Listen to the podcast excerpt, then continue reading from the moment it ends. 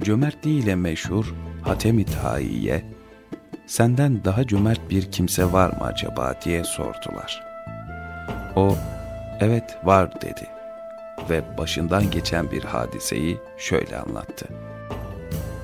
Bir gün bir seferim zamanında bir gence misafir olmuştum. Genç, fakir bir kimse olmasına rağmen bana bir koyun kesip hazırlattı. Önüme koyunun böbreği geldiğinde ben koyunun böbreklerini çok severdim dedim.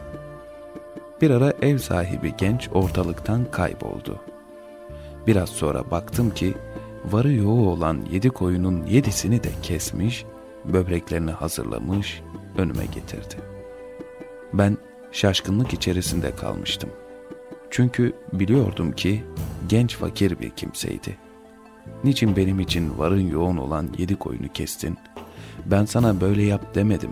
Sadece koyun böbreğini sevdiğimi söyledim dediğimde bana şu karşılığı verdi. Bana Tanrı misafiri gelmiş. Hiç onun sevdiği bir şeyi ikram etmemem olur mu?